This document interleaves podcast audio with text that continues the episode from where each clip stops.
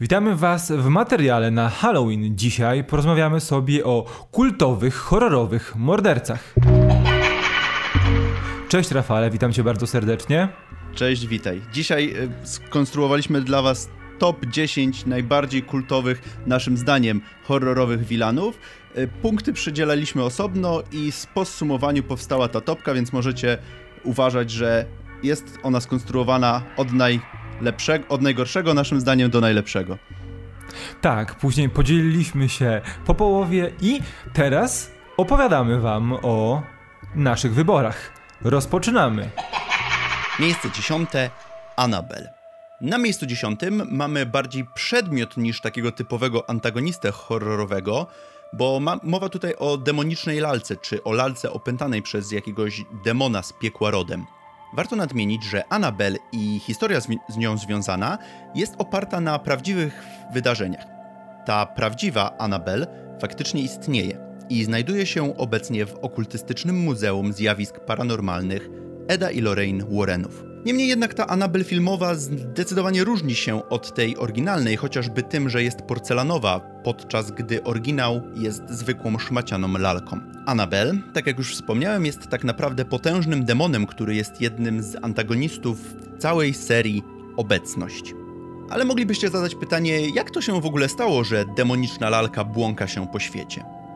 Odpowiedź dostajemy w filmie Annabelle Narodziny Zła. Dowiadujemy się wówczas, że pewien lalkarz, Samuel Mullins, wraz z żoną w nieszczęśliwym wypadku stracili córkę. Będąc bardzo zrozpaczonymi, modlą się oni do wszystkiego, do czego się da, aby przywrócić jej życie.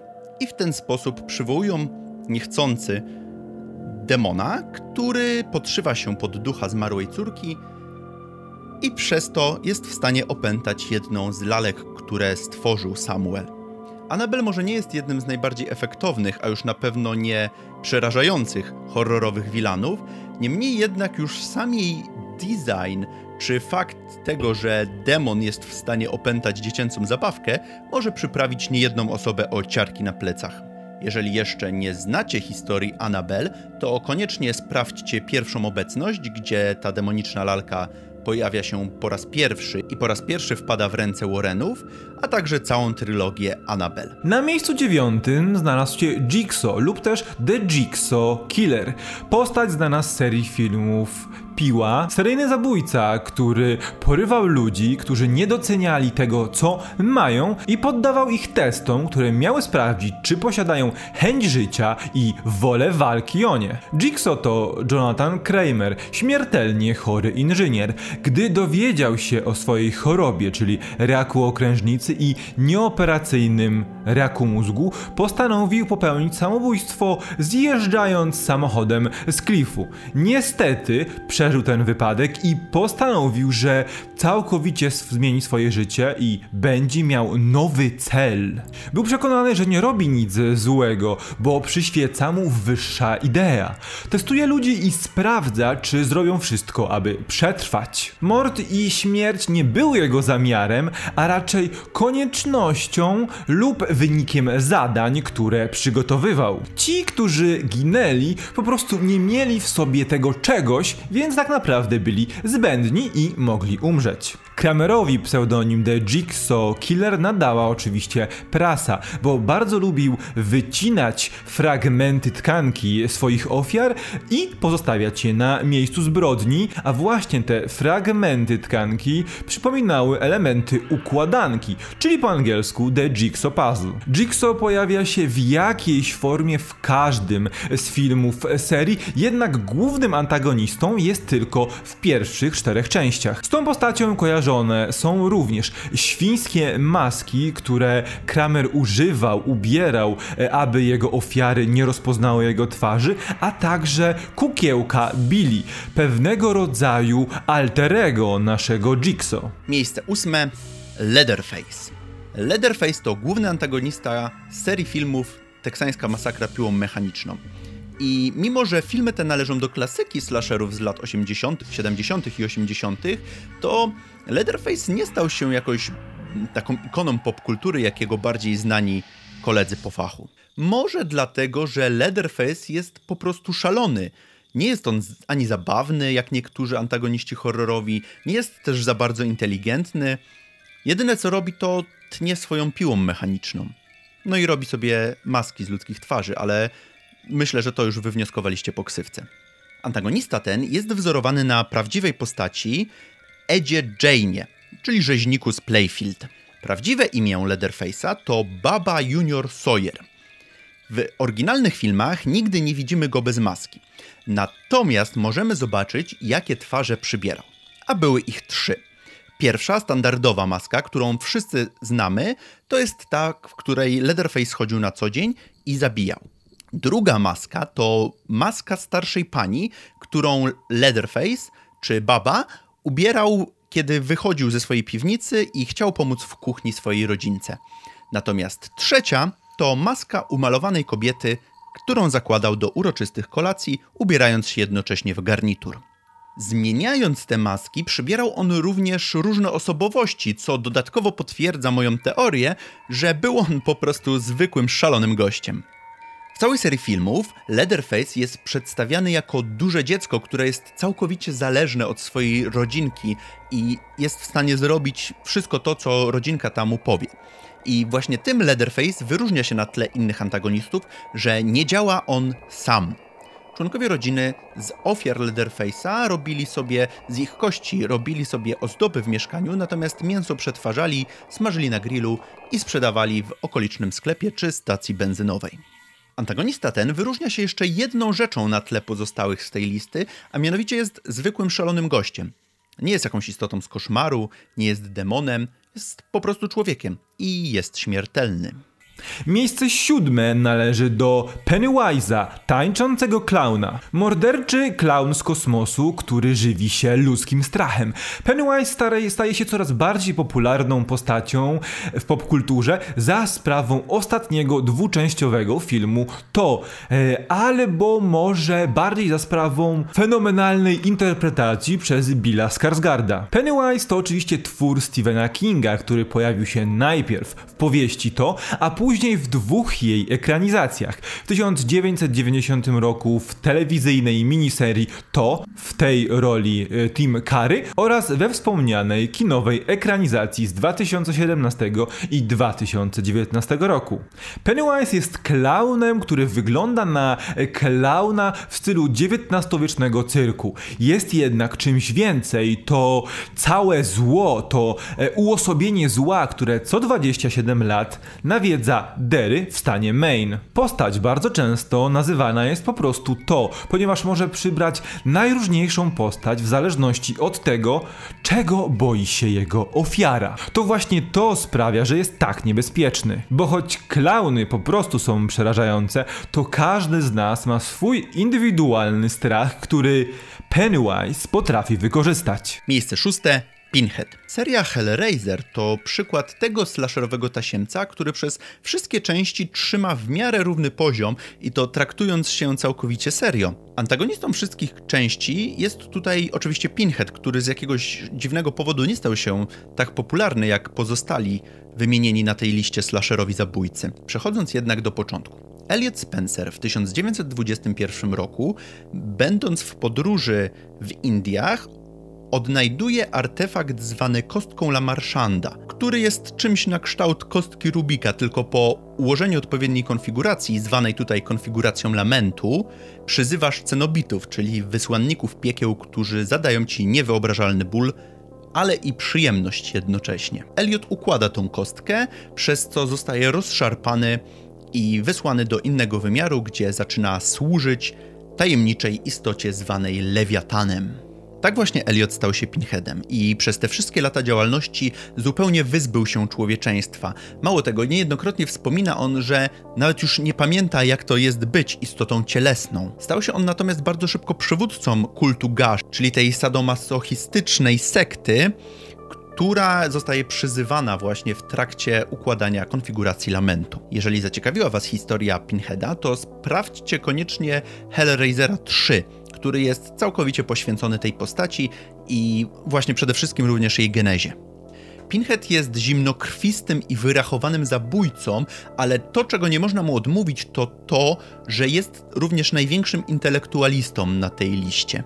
Jest on również bardzo spokojny i opanowany, nawet zadając najgorsze cierpienie, jakie jesteśmy sobie w stanie wyobrazić. I serio, oglądasz sobie Hellraisera, patrzysz na te wszystkie makabryczne sceny i słyszysz głos Daga Bradley'a, który jest cichy, spokojny, opanowany, no i oczywiście ma brytyjski akcent. Doug Bradley, bo nie wypada o nim nie wspomnieć. Stworzył on ten najbardziej ikoniczny i rozpoznawalny wizerunek Pinheada i chociaż w tych ostatnich częściach nie występuje już on jako ten antagonista, y, niemniej jednak polecam zapoznać się z, głównie z jego wykonaniem. Jeżeli nie znacie z jakiegoś powodu Pinheada i serii Hellraiser, to koniecznie sprawdźcie szczególnie pierwszą trylogię. Miejsce piąte w naszym rankingu horrorowych wilanów przypadło Candymanowi. Candyman to miejska legenda, która okazała się prawdą. To kulturowo bardzo ciekawa postać, ponieważ związana jest z legendą mężczyzny o imieniu Daniel Robitaille, który w końcówce XIX wieku został zamordowany przez to, że będąc afroamerykaninem wdał się w zakazany romans. Candyman wraca w postaci żądnego zemsty ducha, który pojawia się, gdy spojrzysz w lustro i pięć razy wypowiesz jego imię.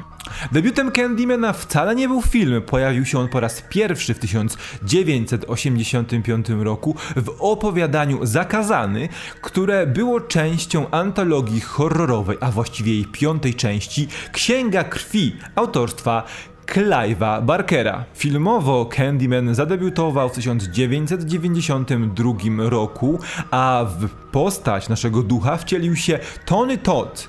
Następnie Candyman miało jeszcze część drugą z podtytułem Pożegnanie z ciałem oraz część trzecią pod tytułem Dzień Umarłych. W 2021 roku Candyman powróci w filmie będącym bezpośrednią kontynuacją części pierwszej z Yahyą Abdulem Matimem II, e, a Tony Todd po raz kolejny wcieli się w kultową rolę. Powróci do roli Candymana, jeśli pięć razy wypowiesz jego imię. Miejsce czwarte Chucky. Chucky to już druga demoniczna zabawka na tej liście, niemniej jednak seria Child's Play wyróżnia się tym, że jest to, jest ona miejscami naprawdę zabawna, jest naprawdę bardzo dobrze napisanym komediohorrorem. Na początku pierwszej odsłony widzimy jak złodziej Charles Riley chowa się w sklepie z zabawkami i przenosi swoją duszę do najbliższej napotkanej zabawki, jaką y, miał w zasięgu ręki i była nią właśnie rudowłosa laleczka w jeansowych spodniach na szelkach, czyli ten wizerunek, który już wszyscy bardzo dobrze znamy, wizerunek Chuckiego. Laleczka przez wszystkie części przeżywała najróżniejsze przygody, zabiła co najmniej kilkadziesiąt osób, a także znalazła narzeczoną. Ale spytać się możecie zaraz, zaraz, ale dlaczego laleczka tak naprawdę morduje tych wszystkich ludzi? Co, co ją napędza? Odpowiedź jest bardzo prosta, mianowicie w niej jest dusza Charlesa, która, która cały czas próbuje się wydostać. Charles próbuje cały czas wrócić do swojej cielesnej formy, a zabijanie ma mu to w jakiś sposób ułatwić. Mnie, nie, mnie nie pytajcie. Chucky niejednokrotnie ginął i wracał do życia. W jednej części nawet uznał, że dobrze mu w ciele lalki i chce tak zostać, ale to go nie uchroniło przed śmiercią. Natomiast powrócił on w serii remake'ów, z których najlepszą częścią jest chyba Curse of Chucky.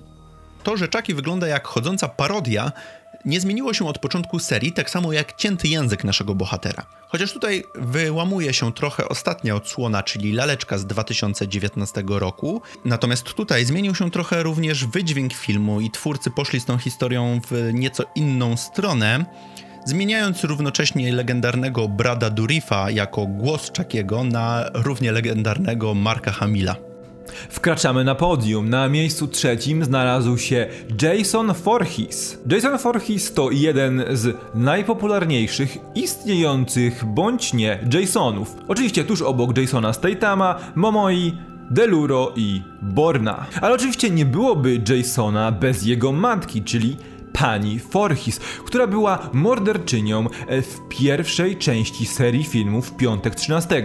Dlaczego mordowała? Jason był chłopcem, który utonął w jeziorze podczas letniego obozu w Crystal Lake. Na końcu oryginalnego filmu Piątek 13 wynurza się z jeziora, żywy i w ten oto sposób staje się jednym z najbardziej ikonicznych slasherowych morderców. Przez lata w postać Jasona Forhisa wcieliło się aż 10 aktorów i ciężko jest powiedzieć, który był tym najbardziej ikonicznym, ale oczywiście warto wspomnieć Ariego Lemana, czyli pierwszego chłopięcego, dziecięcego Jasona, a także kaskadera Keina Hodera, który zagrał Jasona w czterech bezpośrednich sequelach filmowych. Seryjny, niewzruszony morderca w hokejowej masce, którą ubiera dopiero w trzeciej części filmu i z maczetą w ręce, pojawił się w 12 filmach, wliczając w to jego naśladowcę w części piątej oraz reboot z 2009 roku. Jason Voorhees stał się ikoniczną postacią popkultury. Był w piekle, był w kosmosie oraz stoczył pojedynek z Freddym Krugerem. Jason to typowy antagonista początkowej epoki slasherów. Niewiele o nim wiemy, oprócz tego jak się nazywa, że miał matkę, e, jaka jest jego motywacja. Jest po prostu wcieleniem zła. Zabija, bo musi. Zabija każdego, kto wejdzie mu w drogę. Miejsce drugie Freddy Krueger. Ok, jesteśmy już na podium, więc nasze wybory nie powinny was zbytnio zaskakiwać. Freddy jest ikoną już nie tylko horroru, ale popkultury jako takiej. Nawet jeżeli nie po drodze wam ze slasherami, to ten czerwono-brązowy sweterek, charakterystyczny kapelusz czy rękawice z ostrzami zamiast palców na pewno kojarzycie. Postać ta pojawiła się po raz pierwszy w 1984 roku w filmie Koszmar z ulicy Wiązów, który swoją drogą był tak ogromnym sukcesem, że uratował od bankructwa całe New Line Cinema. Sam Freddy jest dzieckiem zakonnicy, które zostało poczęte w wyniku gwałtu.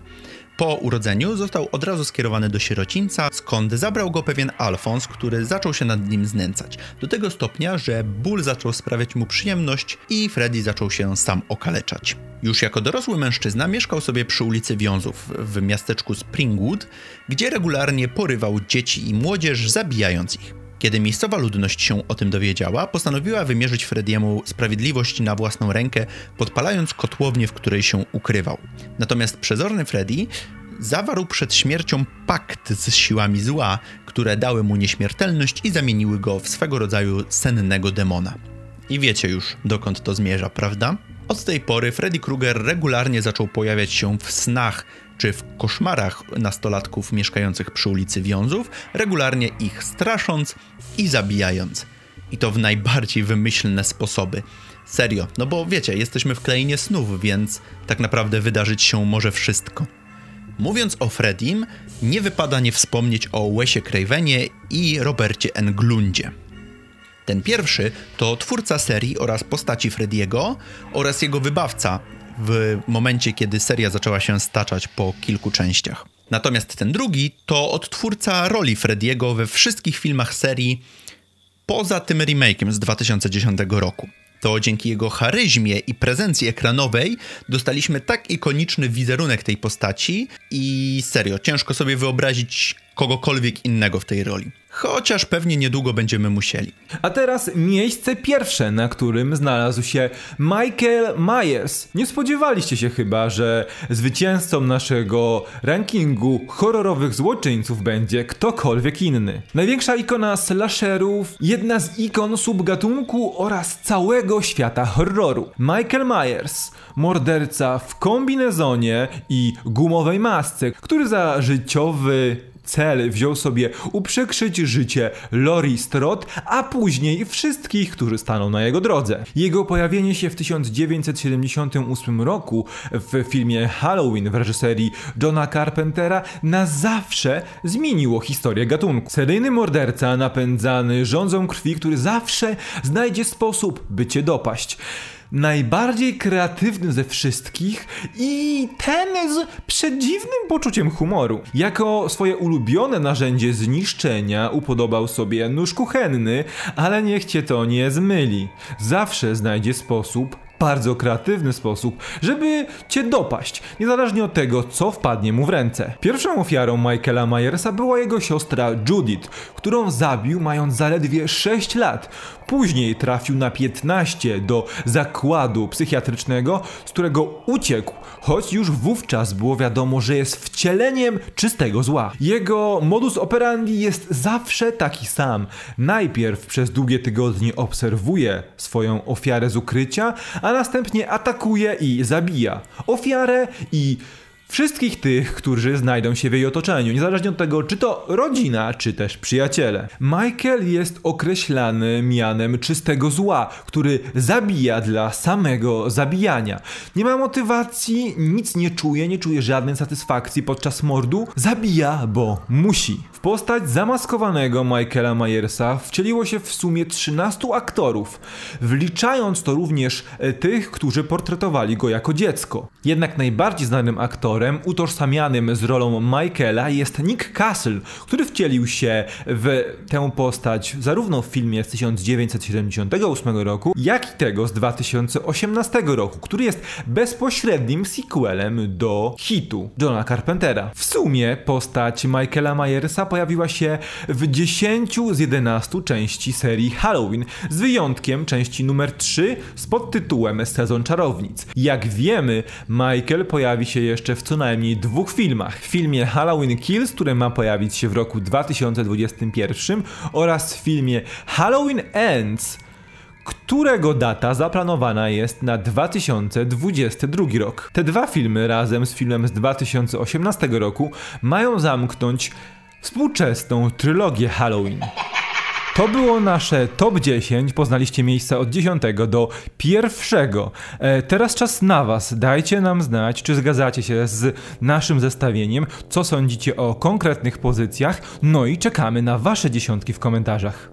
Dajcie znać również, czy jak któryś wybór, wybór Was zaciekawił lub zdziwił bo mieliśmy dużo większą tą listę i naprawdę ciężko było wybrać tą, te, te top, top 10. Jednak wydaje mi się, że te top, które tutaj wybraliśmy, to są tacy naprawdę najbardziej rozpoznawalni i najbardziej kultowi.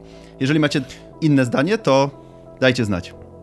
Tak, i a my czekamy na Was w komentarzach, czekamy w naszych pozostałych filmach i widzimy się przy okazji kolejnych materiałów. Trzymajcie się. Cześć. Cześć.